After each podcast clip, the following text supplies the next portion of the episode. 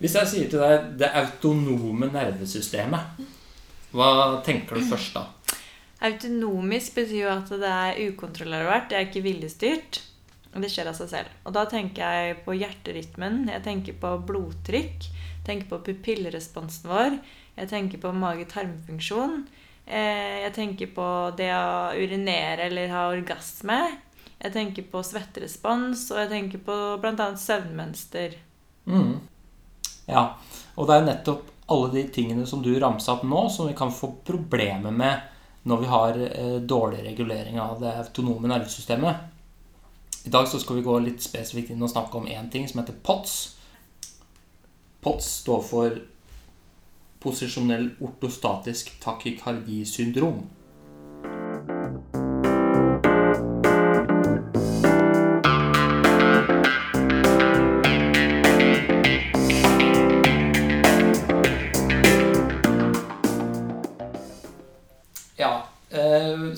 Snakke om eh, posisjonell ortostatisk takykardisyndrom. Hva er det det er eh, egentlig, Thea? Hvorfor skal vi snakke om det i dag? Ja, det er eh, Det begynner å bli mer kjent i Norge, men det er fortsatt eh, en funksjonell lidelse som ikke mange vet om. Derfor syns jeg det er litt interessant å dekke det her, fordi flere og flere må få vite om det. Mm. For det er faktisk ganske mange som har det. Hvor mange er det i USA som har blitt det, diagnosert med det? Altså det, De regner med at det er omkring 1-3 millioner amerikanere som eh, sliter med dette her. Um, det vet jeg ikke hvor mange Jeg tror ikke det er så mange som er påvist i Norge. Nei. Men de regner jo også med at det, det, det er ganske like eh, Likt på verdensbasis. da. At det er sannsynligvis ja, kanskje en, en prosent. Mhm. Mange, ja, mange mørketall ennå. Men det det er, er at det, det er en dysregulering av det autonomiske nervesystemet. Mm. Ja, det, er mange, det er flere teorier på hva det kommer av. Vi vet ikke helt årsaken. Men symptomene, eller eh, syndromet, består av at eh, når man endrer stilling fra å ligge nede til å reise seg innen ti minutter, så, eh, så vil hjerterytmen gå løpsk, og den vil øke i eh, 30 pulsnivåer per minutt, da. Eller beats per minute. Ja. Mm.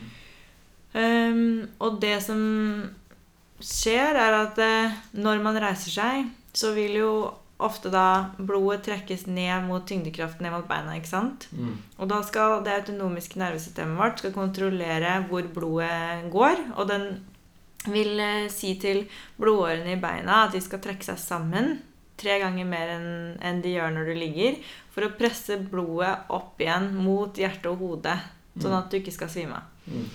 Eh, hvis blodtrykket ditt faller mer enn normalt, da har du noe som heter ortostatisk hypotensjon. Eh, det er ikke det som skjer med- med POTS. Med POTS så beholder du et ganske normalt blodtrykk. Du har ikke noe stort fall i blodtrykket. Men på en eller annen måte så oppfatter hjernen det sånn, slik at den oppregulerer hjerterytmen eh, sånn at hjertet skal pumpe blodet raskere Mm. opp til hjernen. da. Mm. Eh, og det som skjer da, er at eh, du får flere symptomer som eh, Du kanskje sliter med hukommelse, konsentrasjon, sliter med å stå oppreist, så klart.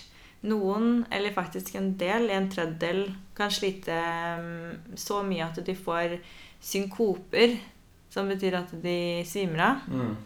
i bare noen få sekunder til minutter. Mm. Um, kronisk utmattelse, opptil 50 sliter med det. Og f.eks. Ehlers-Danlos syndrom. Ja. De har mer sjanse for å få POTS. ja. Mm. Det kan gå veldig utover livskvaliteten. Eh, det kan variere da, fra mild til alvorlig grad. Mm. Eh, men de med alvorlig grad de sliter veldig med å bevege seg rundt og så klart gjøre alle mulige oppgaver da, som er helt som vi tar for gitt. Sånn å ja, vaske, rydde, lage mat. eh, Det å stå oppreist mer enn x antall minutter kan, kan slite veldig på dem. Mm. Ja, for det er jo når du ikke får regulert eh, blodomløpet ditt eh, riktig, Mm. eh, og du får lite, gjerne lite oksygen og næring fra blodbanene, eh, så kan du få veldig mange symptomer, da. Det er bare å prøve å sitte inn og regne matte. Det er i et eh, rom med dårlig luft. Eh, så blir det slitsomt. Ja. Og det er det at eh, når vi gjør f.eks. en operasjon på en arm, så kan man ta bort blodomløpet og operere flere timer uten å få noe skader av det.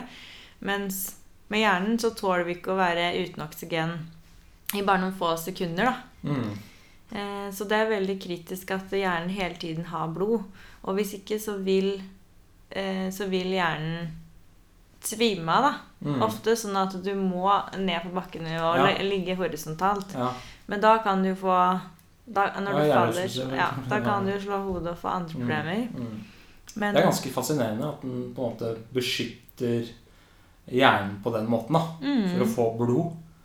Eh, at du bare rett og slett svimer av for å dette i bakken. Ja, og det skjer jo også når, eh, når man eh, skal ta blodprøve, da, og mange mennesker svimer av når de ser nålen, eller de ser blod. Eller man har en sånn Kanskje man ikke er vant med å kjenne smerte, og så får man en intens smerte av et eller annet. Mm. Da kan folk svime av. Eh, og det er noe som heter refleksinkope. Det er når for mye stress gjør at nervesystemet bare kortslutter. Ja. Mm. Akkurat som ja, når du skal tisse og og noen kan bli litt svimle. Ja, hva mener du nå?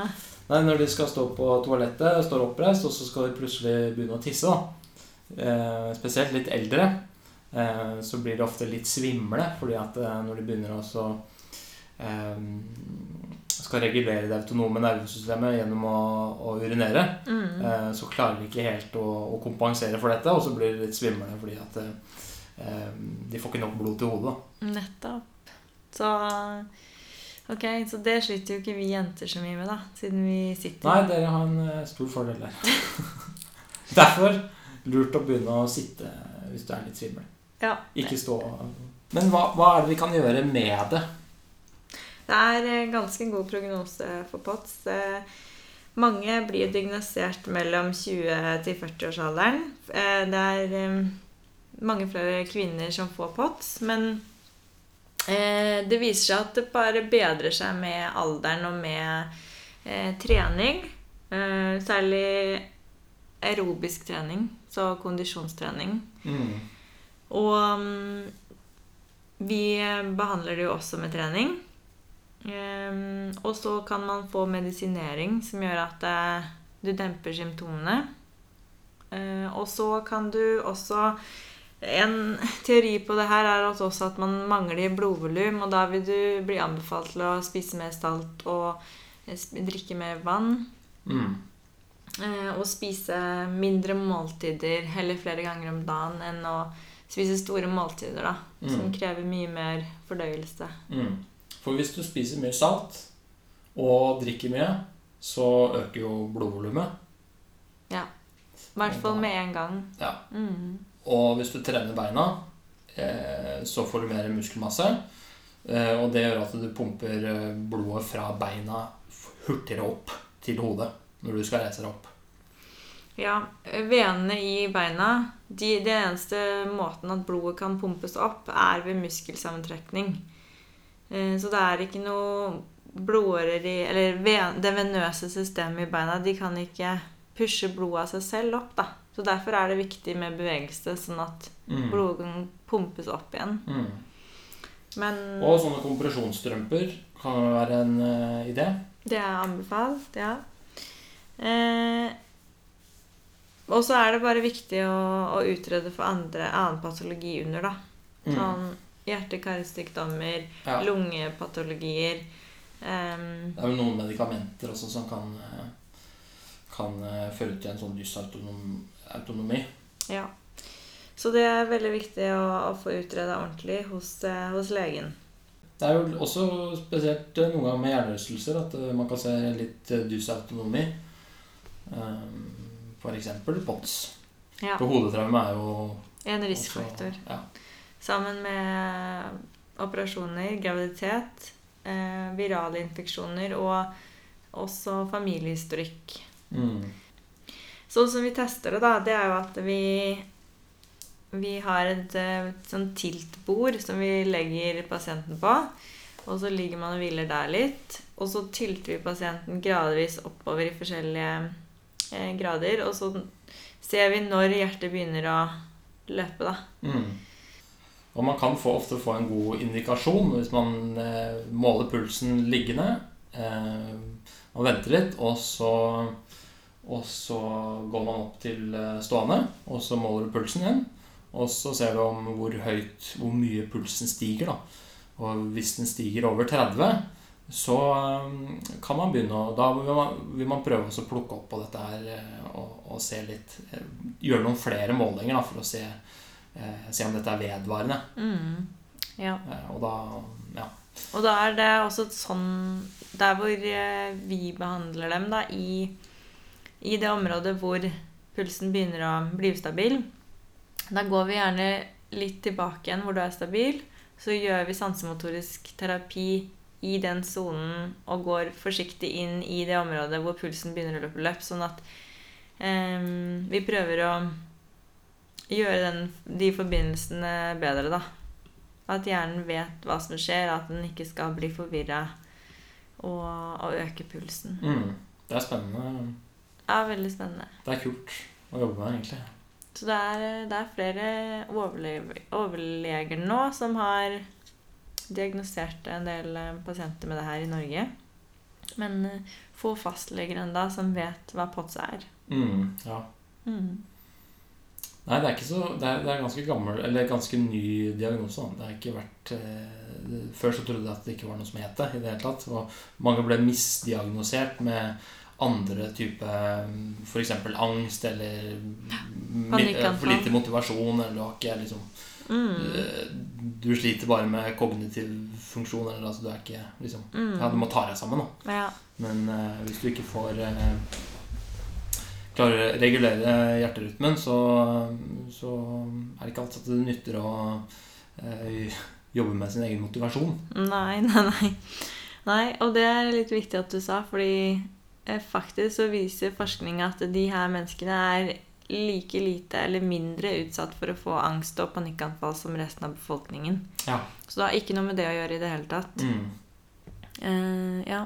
Og de som først begynte å beskrive det her, er jo uh, Mayo Clinic i USA i 1993. Ja. Så det er jo en relativt ny diagnose, da, selv om mm. man har observert fenomenet lengre. Ja. Men det er veldig, veldig god behandling, god prognose. Det er, det er få som blir verre med tiden, da. Mm. Ja, det er bra. Mm. Bra. Da tar vi og runder av her.